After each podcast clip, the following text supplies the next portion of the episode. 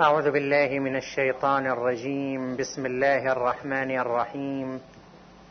الحمد لله رب العالمين والصلاة والسلام على أشرف الأنبياء والمرسلين. نبينا وحبيب قلوبنا وشفيع ذنوبنا أبي القاسم محمد.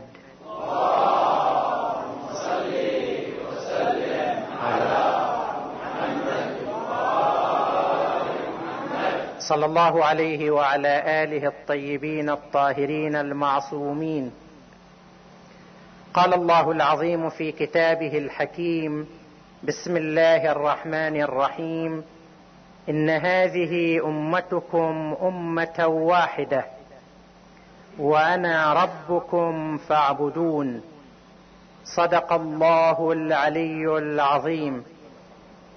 عطروا مجالسكم بالصلاة على محمد وآل محمد اللهم صل وسلم على محمد وال محمد اللهم صل وسلم على محمد وال محمد اللهم صل وسلم على محمد حديثنا هذه الليلة بعون الله تعالى عن الإمام الصادق والانفتاح على الأمة. كان يفترض أن يكون خط أهل البيت صلوات الله وسلامه عليهم هو الخط السائد والقائد للأمة الإسلامية. لما نعتقده من وجود النص عليهم من قبل الله تعالى عبر رسول الله صلى الله عليه وآله. ولما نعتقده فيهم من الكفاءة واللياقة والجدارة بهذا المقام دون غيرهم. فكان يفترض أن يكون الأئمة هم القادة الفعليين للأمة هم القادة الفعليون للأمة وهم الموجهون لها. لكن ما حصل كان غير ذلك. حيث نحي أهل البيت عليهم السلام عن الخلافة والحكم كما هو معلوم مما جرى في التاريخ الإسلامي. تنحية أهل البيت أوجدت في وضع الأمة ما يلي. وضع عام سائد وحاكم في الأمة. ورأي آخر يخالف هذا الوضع السائد يمثله أهل البيت عليهم السلام. بالطبع كان هناك مجموعة من الصحابة من الواعين من المخلصين من المؤمنين بأحقية أهل البيت عليهم السلام التفوا حول أهل البيت ورأوا رأيهم وآمنوا بمقامهم وجدارتهم ومن راجع التاريخ وقرأ التاريخ يرى كيف أن بعض البارزين من الصحابة أيضا مثل سلمان الفارسي المحمدي رضوان الله تعالى عليه ومثل أبي ذر الغفاري ومثل عمار بن ياسر ومثل المقداد وأمثالهم. ومجاميع يعني من أبناء الأمة رأت رأي أهل البيت وسارت في خط أهل البيت. ففي وضع سياسي حاكم على الأمة وفي رأي آخر موجود في الأمة يمثله أهل البيت. هذا على الصعيد السياسي. على صعيد آخر أهل البيت ليسوا فقط مجرد قيادة سياسية للأمة وإنما كان يفترض أن يكونوا هم مصدر التوجيه للأمة. إحنا نعتقد أن حقائق الدين ومفاهيم الدين وتعاليم الدين موجودة عند أهل البيت عليهم السلام. ولذلك أمر الرسول بالرجوع إليهم. ولذلك اعتبرهم الرسول سفينة نوح من ركبها نجا ومن تخلف عنهم غرق وهوى. اذا فالائمه كان لازم يكونوا هم مصدر التوجيه. يعني الأمة تاخذ عقائدها منهم تاخذ أحكام دينها منهم تاخذ مفاهيمها منهم. لكن بالطبع لما صار في وضع آخر سائد في الأمة تكونت مصادر أخرى للتوجيه غير أهل البيت. ومع مرور الزمن صار أهل البيت لهم مدرستهم العقيدية والفكرية والفقهية وهناك في المقابل مدرسة أخرى. وضع آخر. وتبلورت هذه الحالة في عهد الإمام جعفر الصادق سلام الله عليه. نهاية القرن الأول للهجرة وبداية القرن الثاني تبلورت هالحاله صارت الخريطة على ساحة الأمة على أرض الأمة هي كالتالي. هناك مدرسة يمثلها أهل البيت لهم رأي في الحكم والسياسة والسلطة ولهم أيضا آراؤهم في المجال العقائدي والفقهي والثقافي ومختلف المجالات. وفي المقابل هناك رأي سائد في الأمة. مدرسة أخرى هي المدرسة السائدة في الأمة. طبعا الرأي الآخر لم يكن رايا موحدا. هم كانت فيه تشعبات وتنوعات وتعدد. لكن في قواسم مشتركة. أبرزها عدم الاعتقاد بالنص في الإمامة والولاية وعدم الاعتقاد بكون أهل البيت هم المصدر الحقيقي للدين. وإلا كان في تنوع كان هناك أهل الرأي وأهل الحديث كان هناك الأشاعرة والمعتزلة كان هناك الإمام مالك وكان هناك الإمام أبو حنيفة وكانت في تنوعات. فأصبحت خريطة الأمة هكذا. وضع عام سائد في الأمة ومدرسة يمثلها أهل البيت مع أتباعهم. طيب الوضع العام اللي كان سائد في الأمة كان يمارس وخاصة السلطات الحاكمة كانوا يمارسون الضغوط على أهل البيت. يعني أهل البيت ما كانوا ماخذين حريتهم في طرح آرائهم وفي طرح ما يعتقدون به. لا كانت هناك ضغوط.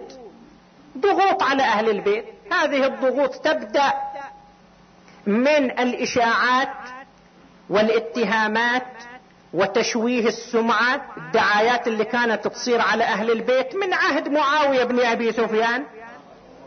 وكيف كانت الاتهامات والدعايات على الإمام علي وسب الإمام علي واستمرت هذه الحالة؟ ومحاصرة فكر أهل البيت ما كان في مجال لأهل البيت يبثون آراءهم وأفكارهم إلا بالمغامرة وإلا بالأخطار. اللي كان يروي رواية عن الإمام علي أو عن أهل البيت كان يعرض حياته للخطر يعرض حياته للخطر. رسالة رسمية كتبها معاوية إلى ولاته من روى حديثا عن أبي تراب فاهدموا عليه داره اقطعوا عنه رزقه اهدموا عليه داره تعليمات كان ما كان أحد يجرع يروي عن أهل البيت. ولذلك استحدث الرواة اسم رمزي مستعار للإمام علي. لما يريدوا يحدثوا عن الإمام علي يقولوا حدثنا أبو زينب. يجيبوا اسم مستعار رمزي باعتبار بنت السيدة زينب ما يقولوا حدثنا الإمام علي أبو الحسن أبو الحسين لا يخافون. وبلغ الخوف كما روايات موجودة في التاريخ قال أحدهم رأيت صاحبي في المنام وقد مررت معه على أمير المؤمنين علي بن أبي طالب. الإمام علي واقف ومرينا عليه أنا وياه. هذا طيف في المنام. فرأيت صاحبي وقد أعرض عن الإمام. قلت له يا هذا الإمام علي فرصة سلم عليه أشوفه. قال إني أخاف أن يترصدني قومهم. حتى في النوم في خوف يشوف الإمام ويسلم على الإمام فضلا عن اليقظة فيها السياسة تشويه إعلامي محاصرة ثقافية تضييق على أتباعهم وأخيرا التصفية الجسدية التصفيات اللي كانوا يسووها لأئمة أهل البيت ولأتباعهم.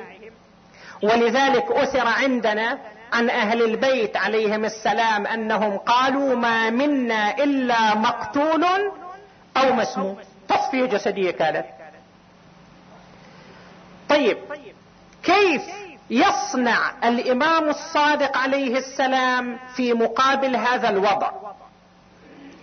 كان هناك أمران مشكلتان. هناك مشكلة الذوبان أنه إذا يخلي شيعته واتباعه في هذه الأمة مع هذه الضغوط مع وجود هذا التيار الجارف السائد فهناك خطر الذوبان والتأثر والاختراق. وطبعا لما ناس أقلية لأن خط أهل البيت أصبح هو خط الأقلية وقليل ما هم وقليل من عبادي الشكور. صح من الناحية النوعية كان في تميز في خط أهل البيت لكن من الناحية العددية صار هو خط الأقلية في ساحة الأمة. الأقلية مع السيطرة الموجودة ومع وسائل الضغط ومع وسائل الحصار أقلية تعيش وضعا هكذا يخشى عليها الذوبان يخشى عليها التأثر يخشى عليها الاختراق. والإمام الصادق عليه السلام كان يهمه أن يحصن تلامذته وأتباعه والموالين له ما كان يريدهم أن يذوبوا في الوضع العام. وأن يتأثروا بالحالة العامة فيفقدوا الحق الذي يؤمنون به والصدق الذي يعتقدون به. فكان لازم الإمام يحصن جماعته ويحافظ على عقيدتهم وعلى ولائهم لأهل البيت عليهم السلام. هذا واضح. هذا لازم يسويه الإمام. بس في المقابل أكو مشكلة أخرى أكو خطر آخر وهو خطر العزل والحصار. أن يعزل أهل البيت وأتباعهم عن الأمة بحيث يصبح أقلية معزولة يعيشوا وحدهم ضمن وضع خاص محدود. وطبعا العزل والحصار ليس في صالح خط أهل البيت عليهم أفضل الصلاة والسلام. مو في صالح خط أهل البيت أن يصبحوا جماعة معزولين عن الأمة. منطوين على أنفسهم منكفئين منغلقين على أنفسهم. هذا مو في الصالح. لما سنبين فكيف يوفق الإمام بين هذين الأمرين؟ من صوب يحمي جماعة من الذوبان ومن التأثر ومن صوب ثاني يدفعهم للانفتاح على الأمة بحيث لا تطبق عليهم سياسة العزل والحصار اللي كانت السلطات تريد تحقيقها وتنفيذها. وهنا تبرز حكمة الإمام الصادق عليه السلام وحكمة أهل البيت لحاولوا يوفقوا بين الأمرين. من ناحية ما يذوبوا أتباعهم وشيعتهم ومن ناحية ثانية ما يعزلوا. ما يصيروا جزء معزول من الأمة محاصر وإنما يكونون ضمن وضع الأمة العام ضمن أجواء الأمة العامة. فماذا عمل الإمام الصادق في هذا الإطار؟ يبدو لي أن الإمام وسائر أئمة أهل البيت عليهم السلام قاموا بدورين رئيسيين عظيمين في هذا المجال. الدور الأول تكثيف التوجيه والتربية والتوعية والتحصين لأتباعهم. ما خلوا أتباعهم هكذا؟ يتلقون المؤثرات الخارجية وتؤثر عليهم. وإنما بذلوا جهودا مضنية عظيمة لتحصينهم ولتوعيتهم ولتثقيفهم داخليا. ولذلك نشوف كل إمام من أئمتنا كيف كان يصرف كل وقته كل جهده في سبيل التوعية التوجيه التربية. وهالتراث الضخم اللي وصلنا عن أهل البيت. في الواقع تراث إذا اطلع عليه الإنسان يندهش. كيف أن هؤلاء الأئمة مع الضغوط اللي كانوا يعيشوها مع الظروف الصعبة والقاسية التي تعرضوا لها كيف استطاعوا أن يبثوا كل هذه العلوم والمعارف والتوجيهات والتعاليم ليس شيئا بسيطا تراث أهل البيت. مع أننا نعلم أن ما وصل إلينا من أحاديث أهل البيت ليس هو كل ما قاله أهل البيت. كل أحاديث أهل البيت وصلت لنا؟ لا. قسم لا بأس به من روايات أهل البيت أحاديث أهل البيت تعاليم أهل البيت. راح. كم من المكتبات أحرقت كم من الكتب أحرقت. في بعض الحالات كما حصل في مصر حينما جاء صلاح الدين كتب الشيعة وكتب الفاطميين وضعها في النيل حتى أصبحت المياه سوداء من حبر تلك الكتب. وحصل أيضا في بغداد حالة مماثلة أيضا. مش قاد من كتبنا من تراثنا من روايات وتاريخ أئمتنا؟ راح. لكن مع كل ذلك ما بقي لنا يعتبر تراثا عظيما. كتاب واحد من كتب التراث اللي عندنا وهو بحار الأنوار في طبعته الجديدة المتداولة مية وعشرة مجلدات. كتاب آخر عوالم العوالم كتاب العوالم للشيخ عبد الله النوري البحراني اللي أخيرا طبعت منه بعض المجلدات يقال هذا إذا طبع كله يصير ضعف البحار يعني أكثر من 200 مجلد. إلى ما شاء الله من الكتب. طبعا مع ملاحظة أن علماءنا لا يرون أن كل ما ورد في هذه الكتب يعتبر صحيح. لا كل رواية وكل حديث لازم يدرسوا سنده ويدرسوا أيضا متنه كل حديث قابل للدراسة والبحث. لكنه تراث يمثل جهد وعطاء أهل البيت عليهم السلام. في مختلف المجالات.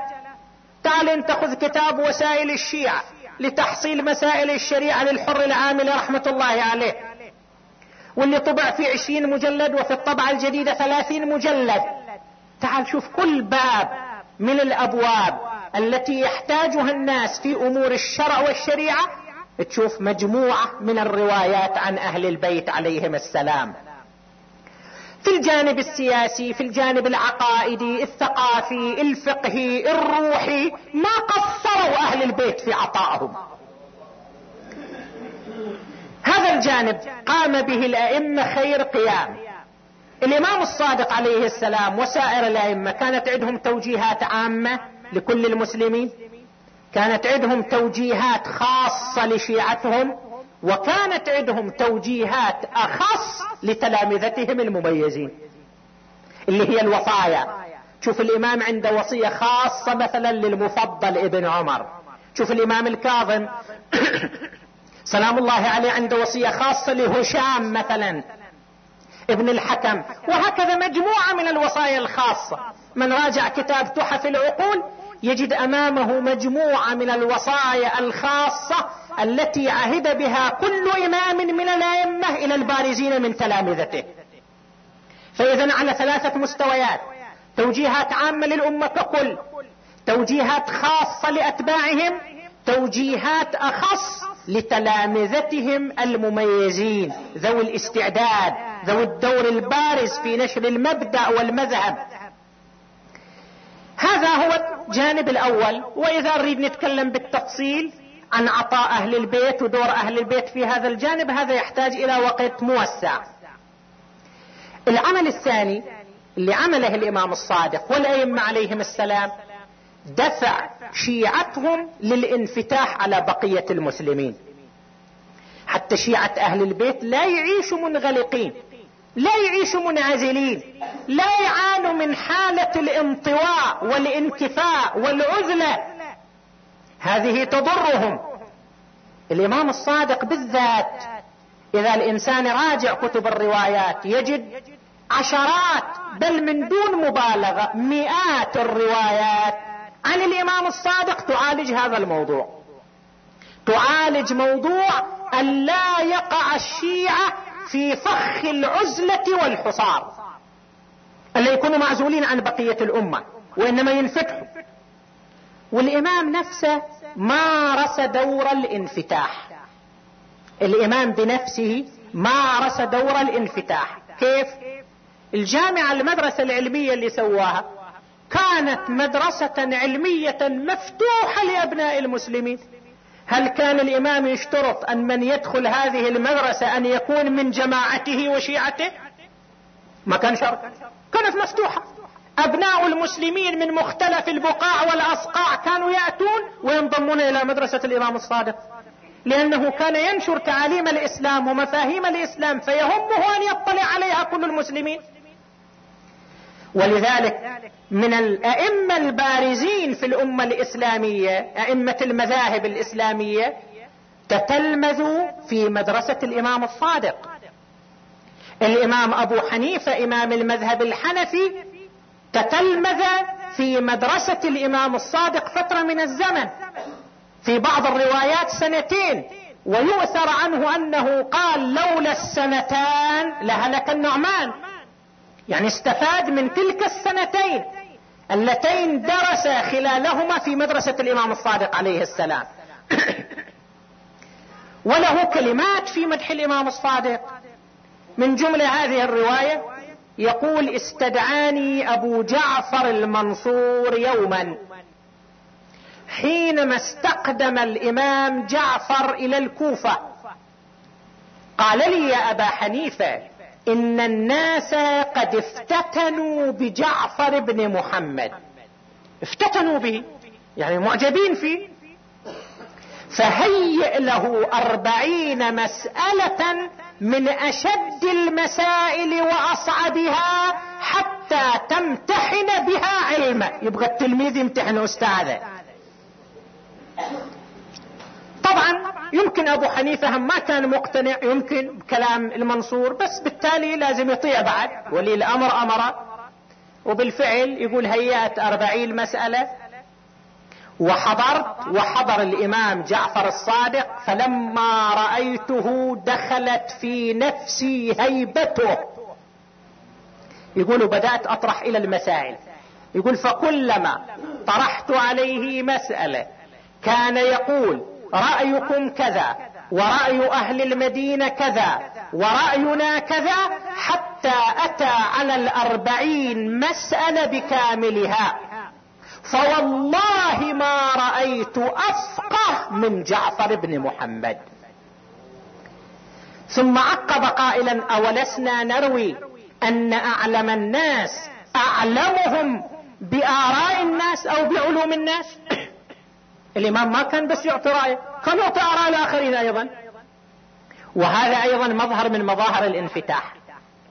الإمام إمام معصوم يعرف أن رأيه هو الرأي الحق لكن ما عنده مانع يجيب آراء الآخرين إلى جنب رأيه. يقول أنتم رأيكم هالشكل وإحنا رأينا هالشكل يذكر الآراء الأخرى مع اعتقاده وعلمه بأن رأيه هو الصواب والآراء الأخرى ليست صائبة.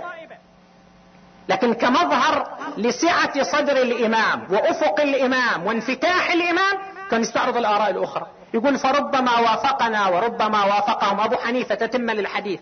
ربما وافقنا وربما وافقهم وربما خلفنا جميعا. جبرائيل مميز. الإمام مالك أيضا إمام المذهب المالكي أيضا له كلمة مأثورة في الإمام الصادق عليه السلام. يقول ما رأت عين ولا سمعت أذن ولا خطر على قلب بشر أفضل من جعفر بن محمد علما وورعا وعبادة. اذا فمدرسة الإمام كانت مفتوحة. كل أبناء الأمة كانوا يتتلمذون في هذه المدرسة. هذا مظهر. المظهر الآخر الإمام كان يأمر تلامذته أن يقوموا بدور الإفتاء العام للناس. يعني يجيبون على أسئلة الناس على مختلف المذاهب. هذا ما يفتيهم بس على رأي مذهب أهل البيت. حتى يقصده أتباع أهل البيت فقط لا. وإنما يفتي على رأي كل المذاهب. كما هو الوارد عن أبان ابن تغلب كان يجلس في المسجد في المدينة المنورة. فيفتي الناس بمختلف الآراء. يجيب آراء بقية المسلمين ويذكر رأي أهل البيت. رأي الإمام الصادق عليه السلام وقد شجعه الإمام الصادق على ذلك. وهذه حادثة معروفة ذكرها أيضا المرحوم السيد الخوئي في معجم رجال الحديث. ذكر هذه الرواية أن الإمام شجعه قال له أحسنت هكذا تفعل. ورواية أخرى مسلم ابن معاذ هو يقول للإمام الصادق. يقول يا ابن رسول الله يأتيني الرجل يسألني عن مسألة أعرفه من أتباعكم فأجيبه برأيكم. ويأتيني الرجل يسألني عن المسألة أعرفه من أتباع غيركم فأفتيه برأي غيركم. ويأتيني الرجل لا أعرفه يسألني عن المسألة فأذكر الآراء وأدخل قولكم في الأقوال. فما ترى يا ابن رسول الله؟ قال أحسنت وهكذا أنا أفعل. كان الإمام يوجه تلامذته حتى ياخذوا صفتهم العامة للمسلمين. ما يكونوا ناس منغلقين ضمن إطارهم الخاص بهم وإنما ينفتحوا على بقية المسلمين وياخذوا هذا الدور العام المنفتح.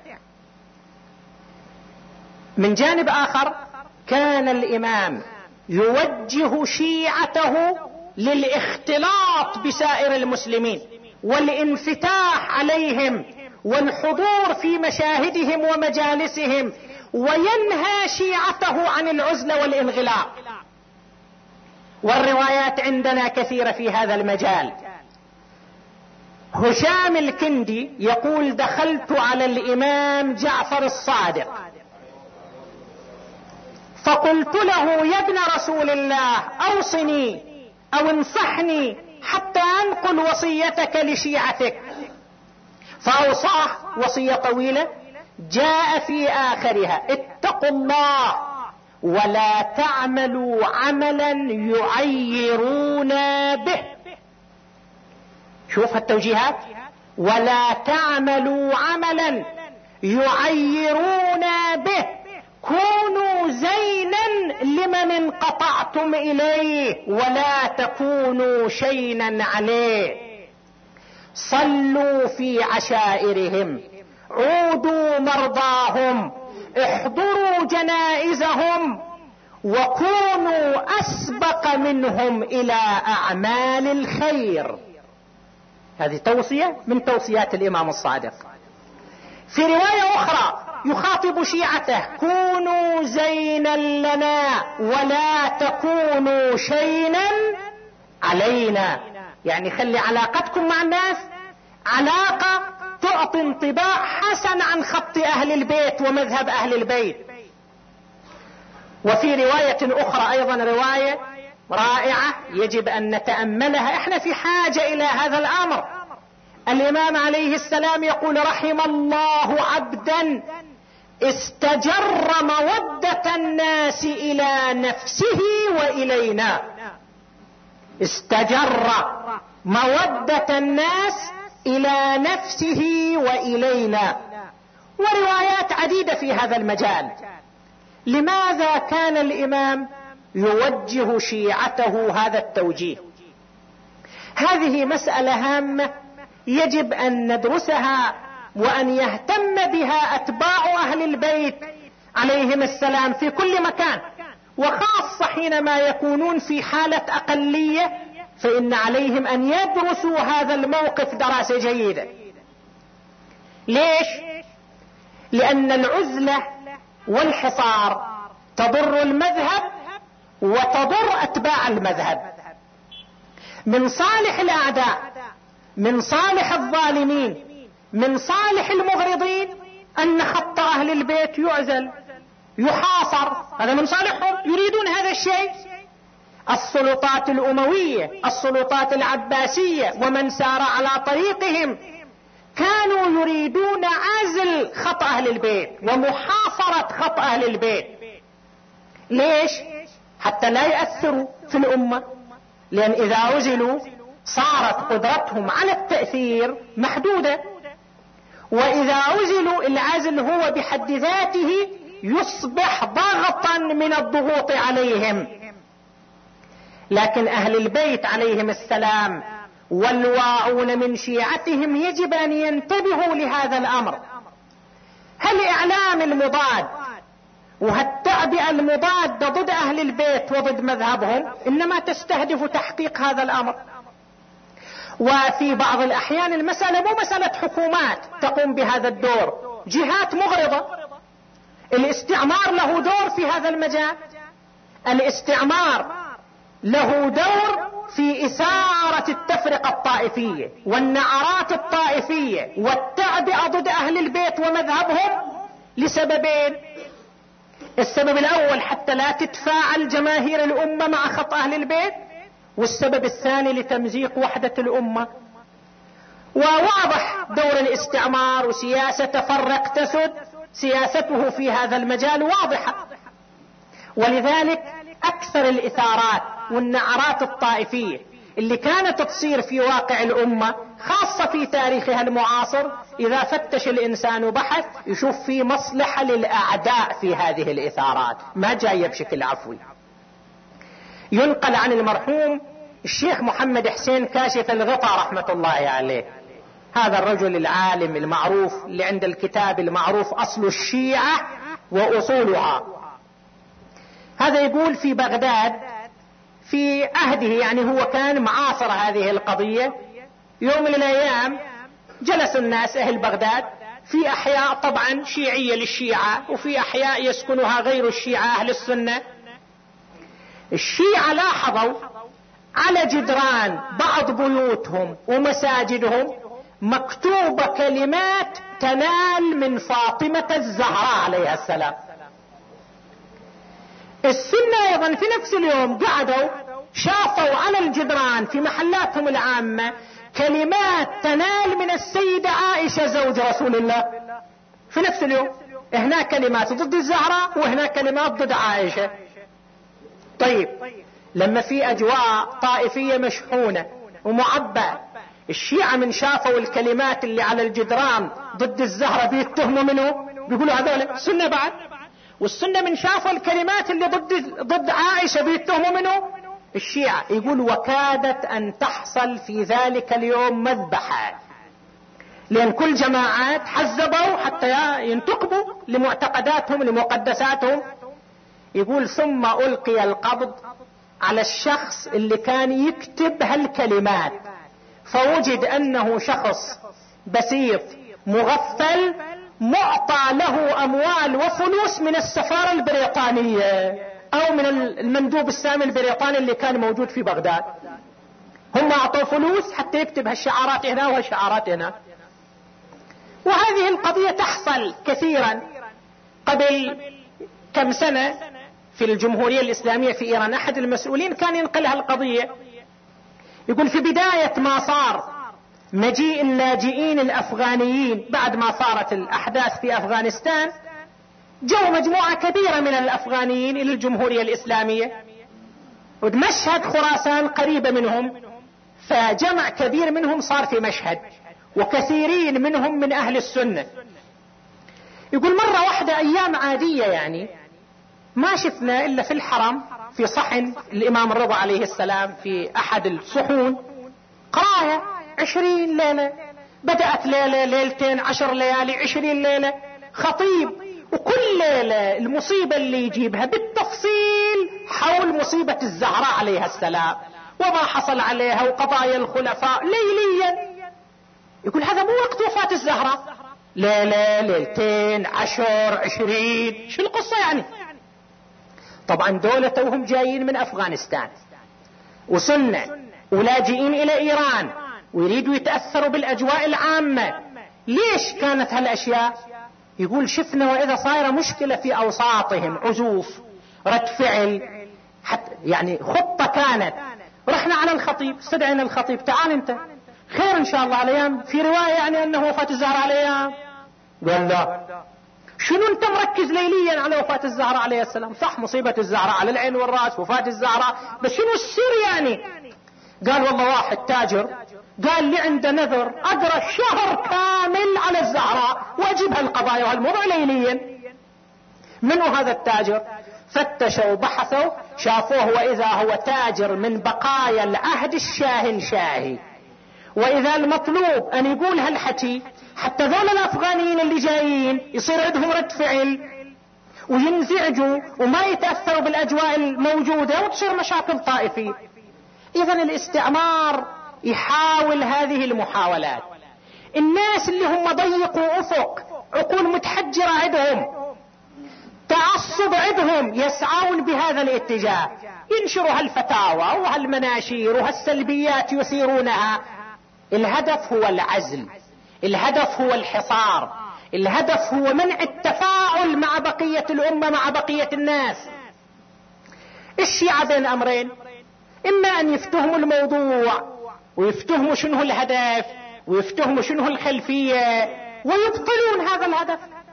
بدل ما هم يسووا هالتعبئة ويصدرون هالفتاوى حتى يعزلوننا إحنا لا إحنا نتحدى هذا الأمر ننفتح أكثر على الناس نقترب أكثر من الناس نوسع صدرنا أكثر إلى الناس. إن هذا نسويه فنكون قد أبطلنا ما كانوا يقصدونه وإلا نوقع في الفاخ. يعني شنو؟ إحنا بالفعل ننكفئ وننعزل وننزعج ونتأثر ونصير ضد الجميع ونتكلم على الجميع وننطوي على أنفسنا وبهذا نحقق ما يقصده الحاقدون. هذا اللي يريدوا هم. هم يريدوا أي شكل يصير. ولذلك أهل البيت عليهم السلام كانوا يحذروا شيعتهم من هذه القضية. أنت صاحب رسالة أنت صاحب مبدأ. لازم تنفتح على الآخرين حتى تقدر تخدم رسالتك من خلال الانفتاح. أما إذا انعزلت ما دخلت عليهم ولا دخلوا عليك ولا تصادقت وياهم ولا تصادقوا وياك. اذا كيف أنت توصل توصل أفكار مبدأك؟ كيف أنت تتحدث عن أفكار عن الأفكار الحقة التي تؤمن بها؟ وحتى إذا ما تتحدث أنت لما تصير بعيد الإشاعات ترسم لك صورة صورة بشعة. وبالفعل إحنا شفنا شلون الصور اللي رسمت لنا.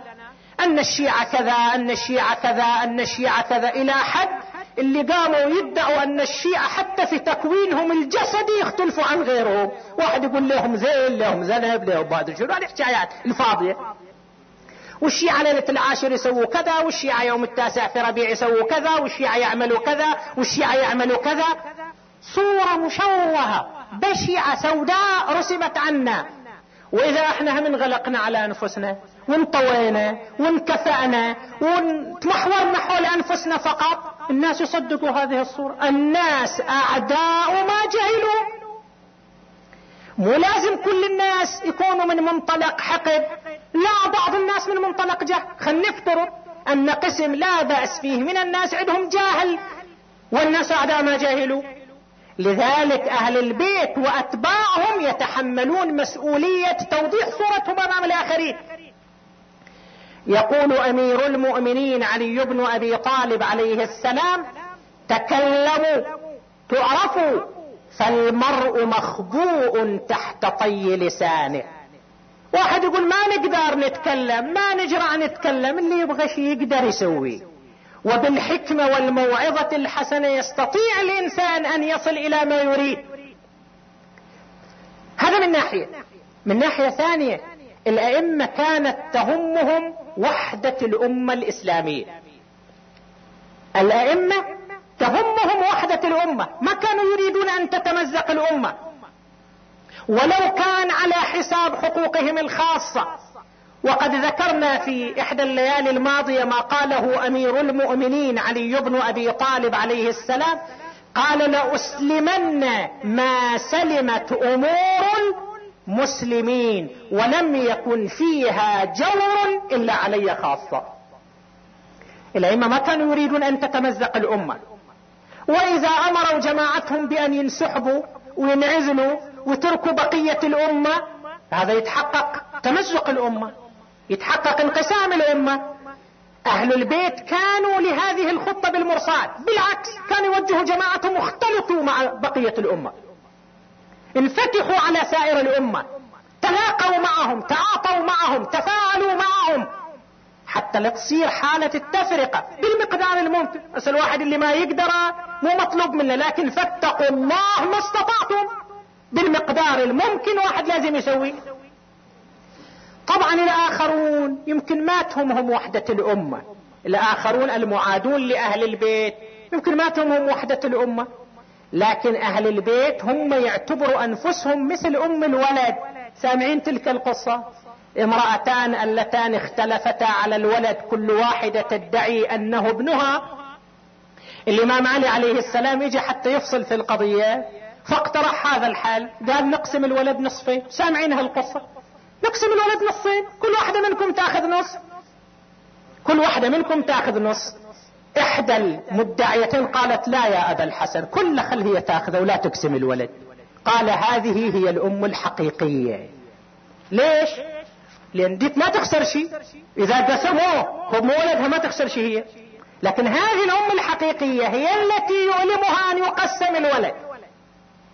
أهل البيت كانوا يعتبرون أنفسهم هم الأم الحقيقية. هم اللي يحملوا هدف الإسلام وروح الإسلام وقضية الإسلام. ولذلك كانت تهمهم وحدة الأمة.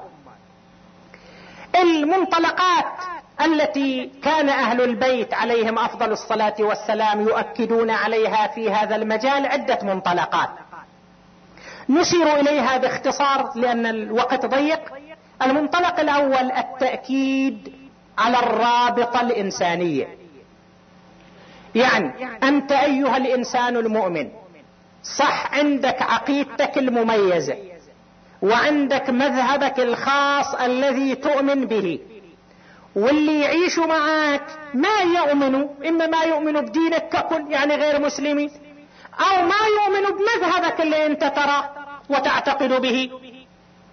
لكن هناك قاسم مشترك بينك وبين بقية الناس وهو الانسانية والإنسان له حق على الإنسان. ما دام في قاسم مشترك فأنت لازم تتعاطى مع من حولك. لازم تتعاطى معهم تتفاعل معهم حتى وين اختلفوا معك في الدين حتى وين اختلفوا معك في المذهب. ليش؟ لأنهم شركاء معك في الإنسانية. قال أمير المؤمنين علي بن أبي طالب صلوات الله وسلامه عليه في عهده لمالك الأشتر الناس صنفان إما أخ لك في الدين أو نظير لك في الخلق. إما أخ لك في الدين واضح أو نظير لك في الخلق إنسان مثلك. وفي الواقع هذه تعاليم القرآن وهذه تعاليم الإسلام. تعاليم القرآن تقول للإنسان المسلم أنك ينبغي أن تلاحظ هذا القاسم المشترك بينك وبين الآخرين. إذا واحد خالفك في الدين مو يعني خلاص تصير قطيعة يصير غضب يصير حرب يصير صراع لا خير إن شاء الله. خالفك في الدين. إذا ما اعتدى عليك فإنت روابطك الإنسانية لازم تبقيها معه. يقول تعالى لا ينهاكم الله. عن الذين لم يقاتلوكم في الدين ولم يخرجوكم من دياركم أن تبروهم وتقسطوا إليهم. إن الله يحب المقسطين. ويأمر الله سبحانه وتعالى بالنسبة للتعامل مع أهل الكتاب يعني اليهود والنصارى يأمر المسلمين بأن يتعاملوا معهم تعامل حسن. حتى في النقاش حول الدين. أنت مسلم وتعتقد دينك حق. وأن اليهودية والمسيحية ليست على حق. لكن لما تتكلم ويا اليهودي ويا النصراني حول دينه يجب أن تكون مؤدبا في الحديث. يقول تعالى ولا تجادلوا أهل الكتاب إلا بالتي هي أحسن. ولاحظوا التعبير بالتي هي أحسن. يعني إذا في كلمتين واحدة زينة وواحدة أزين منها. شوف اللي أزين منها استعملها. بالتي هي أحسن. مع أنهم يخالفوك في الدين. هذه تعاليم الإسلام. تأكيد على الرابطة الإنسانية المشتركة. وفي هالمجال أيضا في نصوص كثيرة. في رواية أن النبي صلى الله عليه وآله كان جالسا مع أصحابه فمرت جنازة يهودي. يهودي مروا جماعة بجنازته. فقام رسول الله صلى الله عليه وآله وقام معه أصحابه. التفتوا إليه يا رسول الله إنها جنازة يهودي. هذا يهودي مو واحد مسلم حتى تقوم إليه إنها جنازة يهودي. وإذا بالرسول يجيبهم أوليست نفسا؟ مو نفس هو مو إنسان؟ إذا رأيتم جنازة يهودي أو ذمي على اختلاف النصوص فقوموا. إنسان يختلف معكم في الدين لكن إنسان. وما دام إنسان بهالمقدار يجب أن يعامل. الأئمة عليهم السلام كانوا يركزون على هذا الجانب. هذا أولا. ثانيا التركيز على العلاقة والرابطة الإسلامية. العنوان الإسلامي ينطبق. الإمام الصادق سلام الله عليه يقول من قال لا إله إلا الله وصدق برسول الله فهو مسلم تنطبق عليه أحكام الإسلام. مسلم. اختلف معك في المذهب. مختلف معك في المذهب لكن يبقى ضمن الإطار العام. وأئمتنا ومذهبنا يقرر هذه المسألة. أئمتنا لا يرضون بتكفير أحد من المسلمين ممن يقول الشهادتين. ما يرضون بتكفير أحد من المسلمين. وبالتالي ما دام مسلم ينطبق عليه العنوان الإسلامي إذا ضمن الرابطة الإسلامية ضمن وحدة الأمة الإسلامية الأئمة عليهم السلام كانوا يؤكدون على هذه الحالة. والروايات اللي واردة عندنا عن الإمام الصادق وعن أهل البيت حول حق المسلم على أخيه المسلم وعدم جواز هجران المسلم كقوله عليه السلام إذا اهتجر مسلمان سر إبليس لذلك سرورا عظيما. مسلمة مسلمة. يعني ينطبق على كل منهما عنوان الإسلام. ما قال شيعيان مسلمات. هذا ناحية ثانية. الناحية الثالثة التأكيد على المصلحة المشتركة. ما دام أنت بينك وبين هذا مصلحة مشتركة جارك رفيقك في سفر شريكك في وطن شريكك في مصلحة هذه مصلحة مشتركة. يجب عليك أن تراعي هذه المصلحة المشتركة بينك وبينه. حتى وإن خالفك في الدين حتى وإن خالفك في المذهب. أمير المؤمنين علي بن أبي طالب عليه السلام كان مسافرا إلى الكوفة في الطريق صحبه ذمي يهودي أو نصراني. الإمام سأله أين تقصد؟ قال, قال أقصد البصرة. هو سأل الإمام أين تقصد؟ قال أقصد الكوفة. فتساير. حتى وصل إلى مفترق طريق. هذا طريق يروح الكوفة؟ هذا طريق يروح البصرة. فمشى الإمام مع اليهودي أو النصراني في طريق البصرة. التفت إلى الإمام. قال أولست تريد الكوفة؟ قال نعم. فلماذا تمشي معي في طريق البصرة؟ قال هذا من حسن الصحبة. إذا صاحب أحد احدا فليسر معه في طريقه خطوات. هكذا أمرنا نبينا. لأنه في الطريق بس يمشي وياه. لأنه سايره في الطريق. هالمسايرة هالعلاقة اللي صارت؟ توجب نوع من الحقوق ونوع من التفاعل. فكيف إذا واحد كان يعيش مع ناس في وطنهم في وطن مشترك بينهم. هذا يفرض نوع من التفاعل نوع من التداخل من التلاقي من الحقوق المشتركة. وهذا ما يؤكد عليه أهل البيت عليهم أفضل الصلاة والسلام. والأخلاقيات. أخيرا التأكيد على أخلاقيات الإسلام والإيمان. ترى الإنسان كلما كان تدينه أكبر يجب أن يكون صدره أوسع وأرحب. البعض يتصور أنه إذا غنضب وكفهر وتشدد وتزمت يعني هذا واجد يعني متحمس إلى مذهبه ومبدأ لا هذا غلطان هذا غلطان. هذا دلالة الجهل هذا دلالة ضيق الافق الإنسان كلما كان أكثر إيمانا كان صدره أرحب وأكثر اتساعا. انت مو أحرص على المذهب والدين من أئمتك عليهم أفضل الصلاة والسلام. وما كانوا يعاملون الناس بالتزمت ولا بالتشدد ولا بالانكفاء والانطواء. تأحرص منهم على المذهب. في الحديث عن رسول الله صلى الله عليه وآله أنه قال أقربكم مني موقفا يوم القيامة أحسنكم اخلاقا. وفي نص الموطؤون اكنافا الذين يألفون ويؤلفون. وعندنا روايات كثيرة حول هالموضوع. أنه الواحد ينبغي أن يكون مرن. يهضموه الناس بسرعة. وهو يهضم الناس بسرعة. وبالفعل إذا واحد لاحظ حياة الناس يشوف الناس أصناف. أكو واحد له عنده مرونة يعني. ينسجم بسرعة. وحسب التعبير الشعبي مثل الطماطة يعني. يصلح في كل طبخة. طماطة يصلح في كل طبخة. بعض الناس هالشكل عنده هالحاله هالمرونة. وبعض الناس أسر الهضم يعني ما ما تقدر تهضمه يعني. حتى لو اختلفت وياه في مسألة بسيطة ضمن دينه ضمن مذهبه ضمن طريقته بس تختلف وياه في مسألة فرعية. خلاص بعد تقوم القيامة. تقوم القيامة تشوفه مغمضب مكفهر من قهر خير إن شاء الله بايقين مال أبوك قاتلين من عندك شيء شوف اختلفين وياك في مسألة اختلفين وياك في رأيك. خير إن شاء الله. ليش الحالة؟ هذا خلاف الإيمان. هذا مو من صفات الإنسان المؤمن. الرسول صلى الله عليه وآله يقول لا خير في من لا يؤلف ولا يألف. هذا ما في خير. هذا ما في فائدة. التزمت التشدد التعصب الانغلاق هذا خلاف الدين.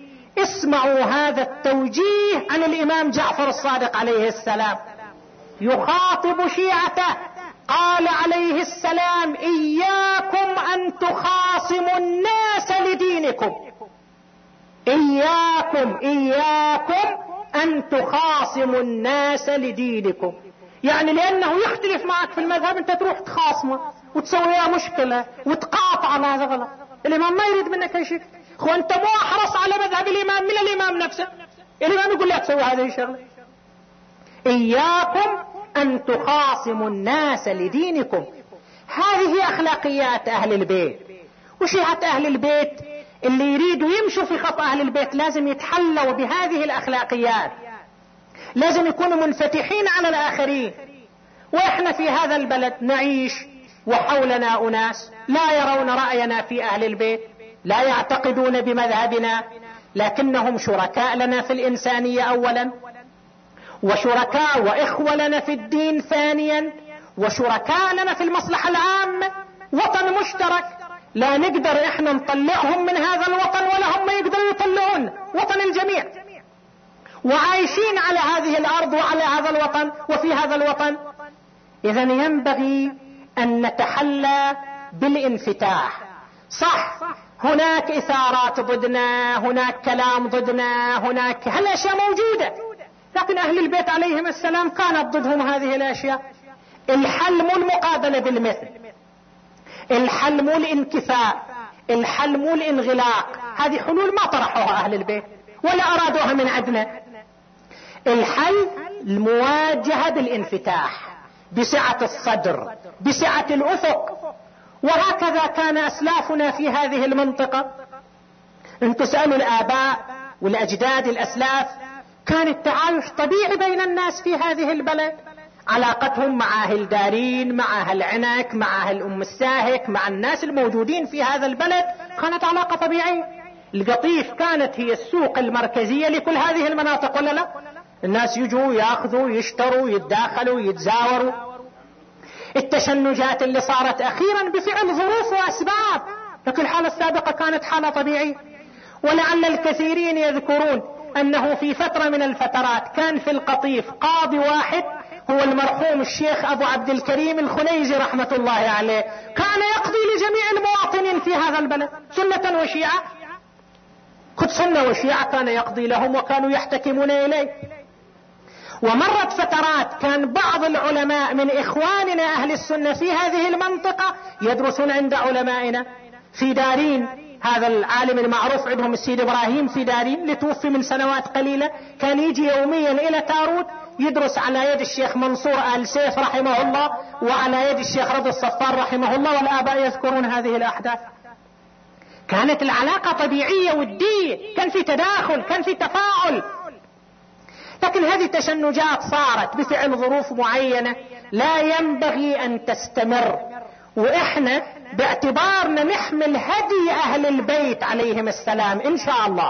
إن شاء الله إحنا نمشي في هذا الطريق ونحمل هذا الهدي فإحنا مسؤولين أن نهتم بهذه المسألة وهذه القضية. وأن ننفتح على الآخرين. صح ممكن واحد يقول ما يقبلوا ما يتفاعلوا ما يتجاوبوا. يصير بعض العناصر تحصلهم متشنجين. يجي معبأ. في بعض الأماكن يعبرون فيجيك معبأ متشنج متوتر حتى تسلم عليه ما يرد السلام عليك. يستشكل يرد السلام. يستشكل يتكلم معك صح الحالات موجودة. اذا ما هو الموقف؟ إحنا عم نصير أسوأ مننا لا. إحنا نصير أطيب. إحنا نصير أفضل. إحنا لازم يتسع صدرنا لمثل هذه الحالة. وهذه هي تعاليم أئمتنا عليهم السلام. يمكن أطلنا عليكم المقام. نختم بقصة كنموذج في هذا المجال. الإمام موسى بن جعفر الكاظم ابن الإمام الصادق وتلميذ الإمام الصادق. تقول الرواية كان رجل في المدينة يسب الإمام كلما رأى. من يشوف الإمام موسى؟ يقوم يسب يشتم. مو بس إذا سلم عليه ما يريد لا يسب يشتم. أصحاب الإمام وأتباع الإمام غضبوا. أرادوا أن يؤذوه أن يضربوه أن يسووا إلى شيء. لكن هذه أساليب طفولية. هذه مو أساليب يأمر بها أهل البيت عليهم السلام. الإمام قال دعوه علي. خلوني أنا أعرف شلون أعالجه. مر يوم من الأيام يومين ثلاثة ما شافه. الإمام متعود منه كل يوم يحصل منه سبة سبتين شتيبة شتيبتين. ما شافه بابا وجود الرجال. سأل عنه قالوا خرج لزرع الله. عنده زرع ورايح في مزرعة إلى. فسأل الإمام عن مكان زرعه. أخبروه. فركب الإمام دابته وقصده في مزرعته. شوف أخلاق الأهل البيت. إجا دخل المزرعة. ذاك من شاف الإمام جاي قام صائحا. كيف تطو زرعي بحمارك بدابتك؟ فتهلك زرعي. الإمام قال لا عليك. اجى إلى أن وصل يمه نزل. سلم عليه قعد يمه. يعني ذاك يواجه بالسيئة والإمام يواجهه بالانفتاح وبالأخلاق. قال يا هذا كم خسرت على زرعك؟ كم صرفت في زرعك؟ قال مئة دينار. كم ترجو أن تربح فيه؟ قال أنا ما أعلم الغيب. قال أنا ما قلت لك تعلم الغيب. كم ترجو أن تربح فيه؟ كم تأمل أن تربح فيه؟ قال مئة.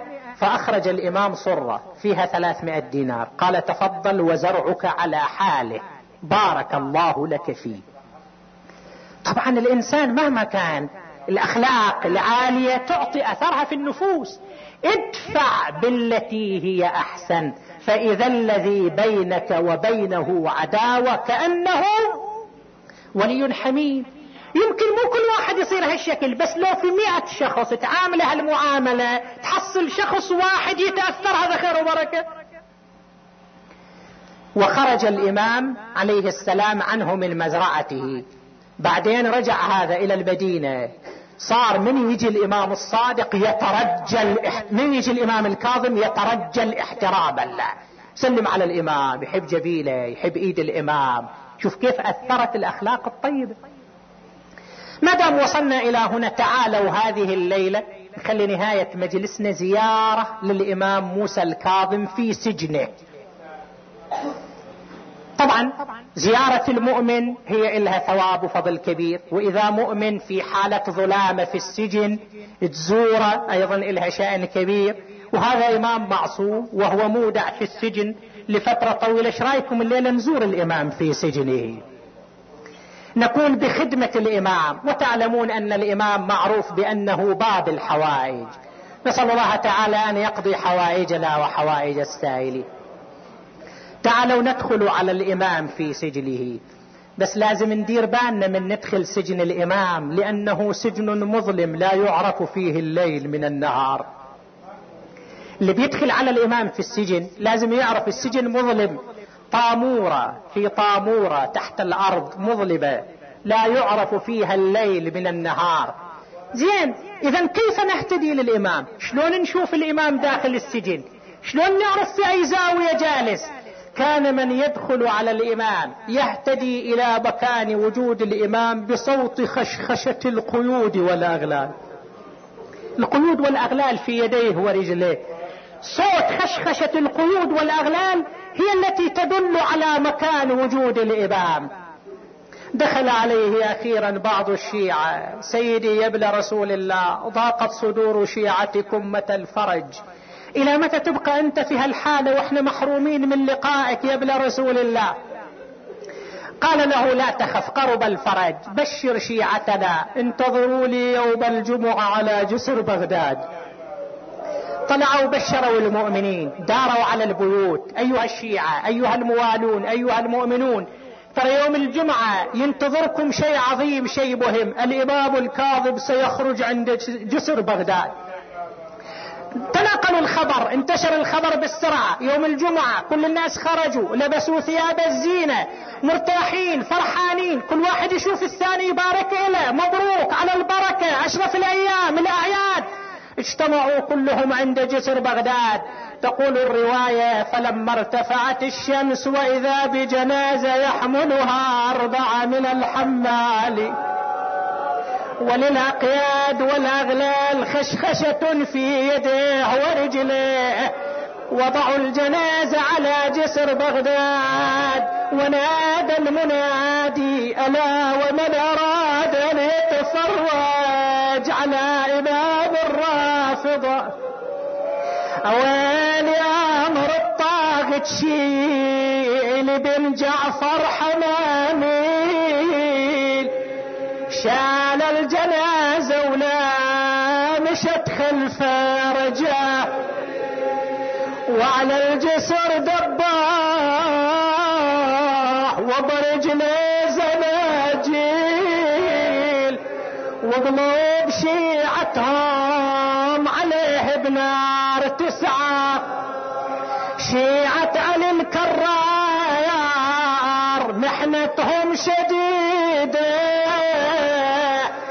من عايناهم غللوا بالسجدة مطروح فوق الجسار ما فكوا حديد.